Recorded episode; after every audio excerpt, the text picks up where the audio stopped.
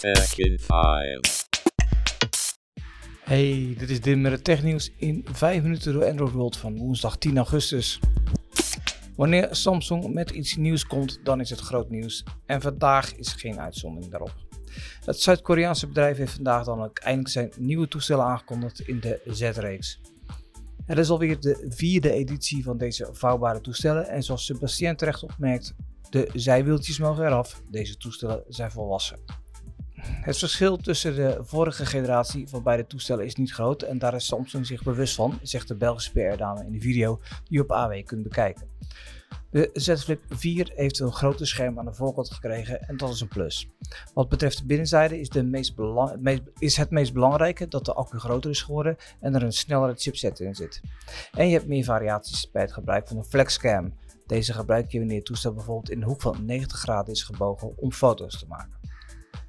De Z Fold 4 is sterk verbeterd op het gebied van multitasking door een nieuwe taskbar. Op de video die je in het artikel kunt zien krijgen we een goed voorbeeld van hoe moeiteloos slepen met apps en vensters gaat. Dat en de verbeterde camera's maken van de Fold 4 een echte productiemachine. Naast de toestellen zien we ook de Buds 2 Pro, waar de ANC van verbeterd moet zijn, en de lang verwachte Watch 5 en Watch 5 Pro, die meer voor de outdoor mensen is gemaakt. Oppo laat weten dat het op 18 augustus zijn nieuwe software-schil ColorOS 13 zal bekendmaken. Daarmee zal het merk een van de eerste zijn die de nog niet gelanceerde Android versie 13, of Tiramisu, in zijn schil zal verwerken. Ze zijn niet de allereerste, want zusterbedrijf OnePlus kondigde het al een paar dagen geleden aan. Android 13 of Android Tiramisu zal volgens de nieuwste geruchten pas in september officieel aangekondigd worden. Het nieuwe besturingssysteem zal verder qua design waarschijnlijk veel weg hebben van Android 12. Beide systemen zijn namelijk gebaseerd op Material U. Pac-Man is waarschijnlijk het meest bekende videospelletje ooit. Mag ik dat zeggen? Ik weet het niet, maar ik doe het toch. Deze etende gele pizza was een knetterende hit in de pre-internet arcadehallen en is nu nog steeds speelbaar op allerlei platformen. Wat doe je met een game waar je alles al uitgekneept hebt wat betreft merchandise en samenwerkingen? Precies, je maakt er een veel van. En laat dat nou precies zijn wat ze gaan doen met dit arme stukje veelverraad. Er zijn al eerder animatieversies gemaakt, maar een echte film zoals Sonic the Hedgehog is echt de eerste keer. En ik kan er echt werkelijk nog niks bij voorstellen. We vertelden jullie het al eerder, maar Spotify gaat je helpen om alleen maar muziek of alleen maar podcasts te vinden. Het is een veelgehoorde klacht van mensen om me heen dat hun zoekopdrachten en dergelijke vervuild zijn door verkeerde media op Spotify.